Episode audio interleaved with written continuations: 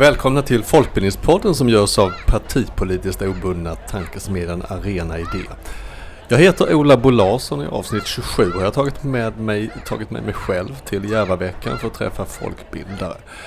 Till eh, Järvafältet norr om Stockholm så kommer det under ett antal dagar artister, politiker, företag, organisationer och människor från hela landet, hela Sverige.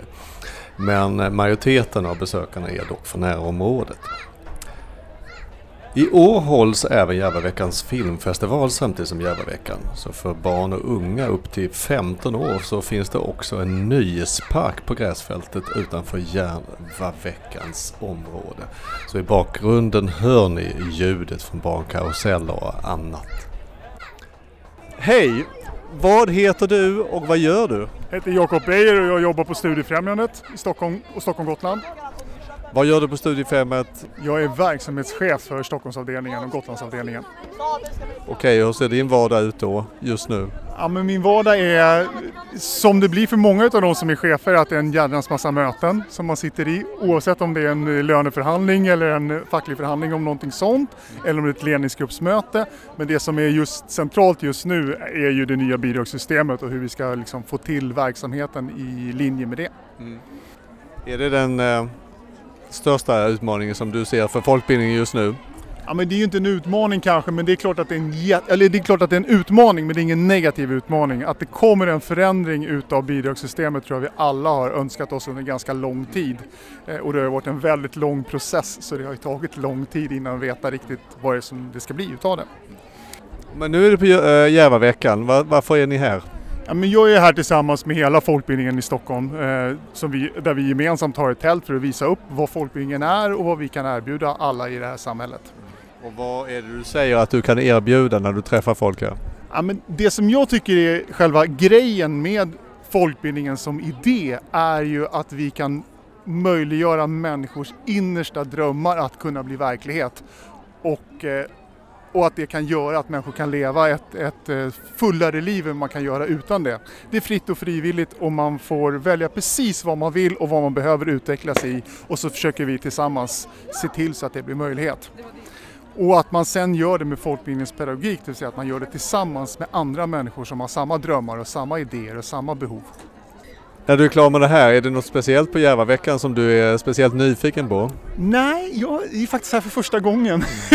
så jag ska gå runt och titta lite grann och se dels vad det finns i de andra tälten och kanske lyssna på politikerna. Ja. Tack så mycket. Tack så du ha. Hallå! Vad heter ni och vad gör ni? Jag heter Shabnam Koistinen och jag jobbar på Studieförbundet Vuxenskolan som verksamhetsutvecklare inom funktionsrätt.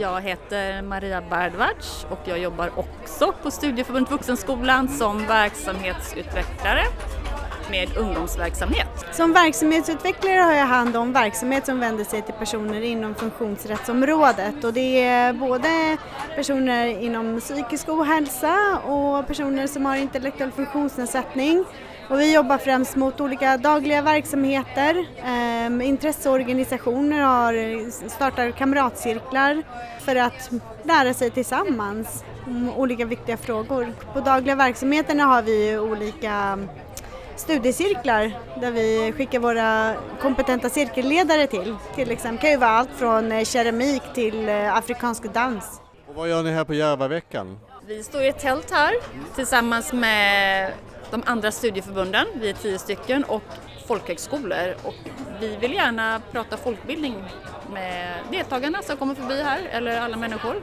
Vi har en jättefin affischvägg här som jag tänker ska attrahera människor att komma in och titta i tältet och ta reda på mer om vad... Man kan väl säga att folkbildningen har blivit, den kommit lite grann i skymundan. Många vet inte vad vi gör för någonting. Vi gör en väldigt viktig verksamhet, den är fri och frivillig men att den bidrar till att människor kan mötas, eh, utveckla sina intressen, lära sig nya saker eller lära andra. Vi kommer ha en liten aktivitet här om någon timme eh, där man får komma och testa AI i form av att göra bilder eller skriva texter, poesi. Så Studieförbundet Vuxenskolan är inte rädda för AI? Vi försöker se möjligheter med AI och hur vi kan lyfta människor, speciellt inom funktionsrättsområdet också. Till exempel att lära sig att skriva sitt personliga brev med hjälp av ChatGPT. Och det kan ju också vara stärkande för självkänslan och självförtroendet.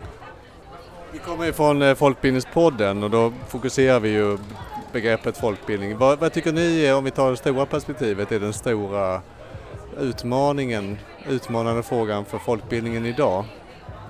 Det är väl att vara synliga och synas och höras för den delen. För vi har ju blivit ifrågasatta också inom folkbildningen och om vi är relevanta och så. Så det tycker jag att, och världen är ju föränderlig, vår omvärld. Så jag tänker att vi får ju också anpassa oss för den omvärld och försöka hitta nya målgrupper och nå ut till fler. Och jag tänker att en sån grej är att vi är här idag, att synas.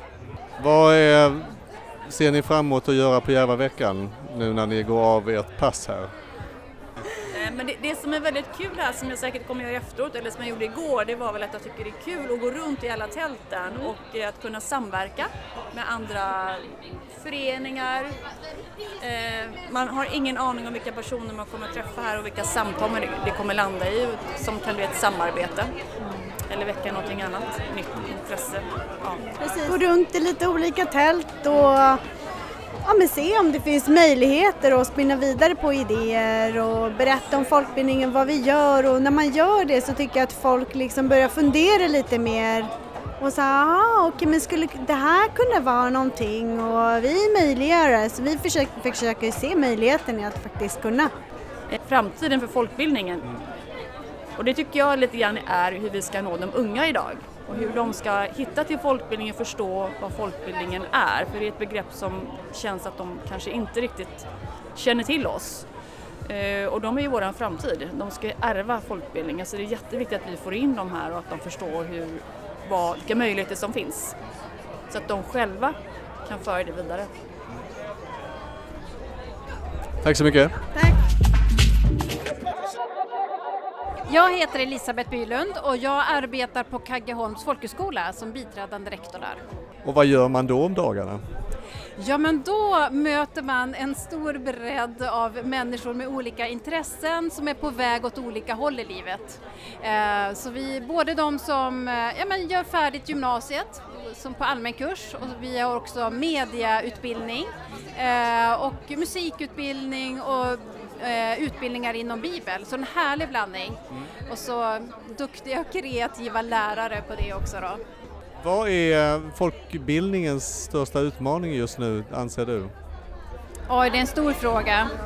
Eh, men jag tänker eh, Ja, det jag tänker på nu, det kan finnas många, det här är ett ekonomiskt läge som, har, som påverkar folkbildningen, men, men jag tänker i det så ligger också det här att, att bli tydlig och känd som, som eh, utbildningsform eh, och, och, allt liksom det, eh, det det viktiga och det stora som händer för människor som har varit inom folkbildning. Eh, där man får liksom, många, många kommer eh, in på nya vägar och det är ju vad vårt samhälle behöver. Att människor behöver många olika vägar att komma vidare och inte fastna utan kunna utbilda sig på vidare för att komma in i samhället och bli aktiv bara liksom som demokrati, liksom medborgare men också komma i funktion i arbete och så.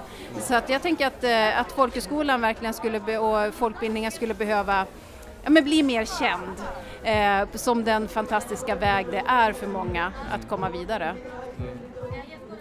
Finns det något annat sätt än Järvaveckan? Har, ni, har du några andra tankar om det? Hur vi blir mer kända? Eh, ja, jag tänker att vi kan bli, överhuvudtaget bli mer aktiva i liksom, samhällsdebatten, att, att göra vår röst hörd på de olika kanaler som finns, att vi skulle kunna bli bättre där och, och finnas, eh, ja, och, och, prata liksom eh, tydligt eh, om, om vad det är. För att det, det finns ju som inom folkhögskola så finns det ju också ett, ett, eh, ett tydligt eh, eh, sätt hur vi arbetar för att skapa kurser och för att få vara allmän kurs som, som motsvarar komvux och så här.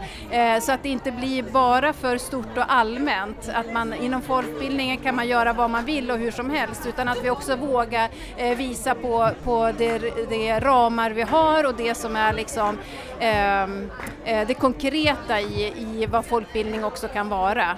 Så att det inte blir för stort och flummigt tror jag utan att, man, att vi blir, en, en, en ty, blir mer tydliga så att folk vet vad det, vad det är vi är för någonting.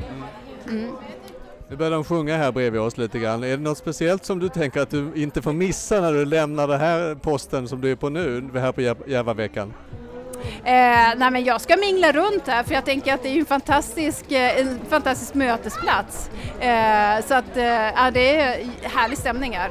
Så gott att få vara med.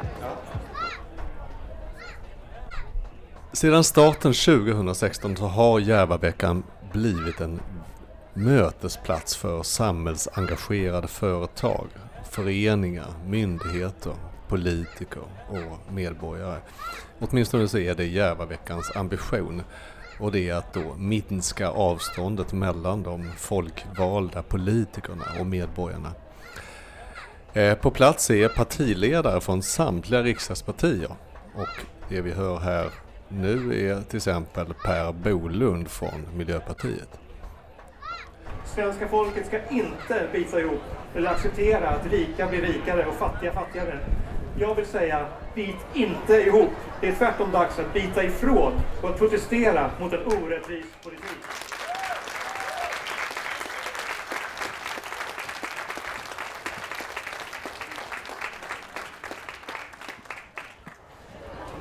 Uh, Abdu heter jag, jobbar på Sensus uh, studieförbund som verksamhetsutvecklare. Jobbar med föreningen som har eller bakgrunden av kulturella, etniska och religiösa föreningar. Järvaveckan, det är vi här för att knyta kontakten. Folkbilden ska få finnas där folket är. Och här är det mingel, samtal och relation. Vad tycker du på Sensus när du arbetar är liksom den största utmaningen just nu med att arbeta med folkbildning? Alltså det är, det, folkbildningen har gått igenom olika, eh, ska man säga, inte problem, men jag tänker på pandemin, sen digitaliseringen och nu är det nya kring eh, statsbidragsbestämmelserna? Exakt. Ja. Det är hela tiden nya utmaningar. Och eh, vi kom, återhämtar oss från pandemin. Så kom digitalisering, jobbade vi på den och sen gick det bra och nu kommer vi med det nya. Det är alltså kring delen. Men självklart, det är en, vi måste jobba med utmaningen. Att, eh, väldigt bra event där man kan har man inte varit till exempel på den stora Almedalen. Det här är mina Almedalen för lokalt för Järva. Och det tror jag, jag har följt den från början och jag ser att den växer för varje år. Olika arrangörer är på plats. Så det är åtminstone ett besök är väldigt värt. Mm. Tack så mycket. Tack själv. Hej, Amira heter jag och jobbar som kurator på Stockholms Stadsmissionens folkhögskola. Jag träffar eh, fantastiska deltagare på vår skola och hjälper dem eh, på olika sätt. Det kan handla om till exempel eh, psykisk ohälsa, det kan handla om saker och ting som inte fungerar i det dagliga livet, boende, um, hälsa, fysisk hälsa. Så jag försöker guida dem hitta rätt och även ha samtal på en kontinuerlig basis så att jag kan hjälpa dem uppnå sina mål med många andra kollegor. Mm. Och nu är du här på Järvaveckan. Ja. Eh, viktigt att berätta om folkbildning, för det är det som vi försöker. Vi har ju, eh, utbildning innebär ju makt, att man har egen makt och kunna bestämma över sitt liv. Eh, det är det vi försöker hjälpa eh, ungdomar med. Vad tycker du är den viktigaste eh, frågan för eh, folkbildning just nu? Vad är det mest utmanande för folkbildare, som folkbildare idag? Det viktigaste egentligen för inte bara unga som vi träffas nu utan allmänheten hur vikten av folkbildning. Att till exempel att många som har försökt den här vanliga skolan inte klarar av skolan av olika anledningar men att de får möjlighet och utrymme att göra det på en sån plats som jag jobbar på till exempel och många andra ställen. Så att vikten det, att vi finns är en viktig fråga. Tänker du om Järvaveckan? Fantastiskt tillfälle, att träffa många andra och eh, utbyta erfarenheter och kanske hitta synergieffekter med andra som har samma mål att hjälpa olika individer i samhället och även det här med att man har makt över, över sitt liv helt enkelt och det är det som är viktigt för mig. Sprida det här, att kunskap är väldigt viktigt och att människorna ska känna sig hörda och sedda oavsett. Hej, jag heter Guzal.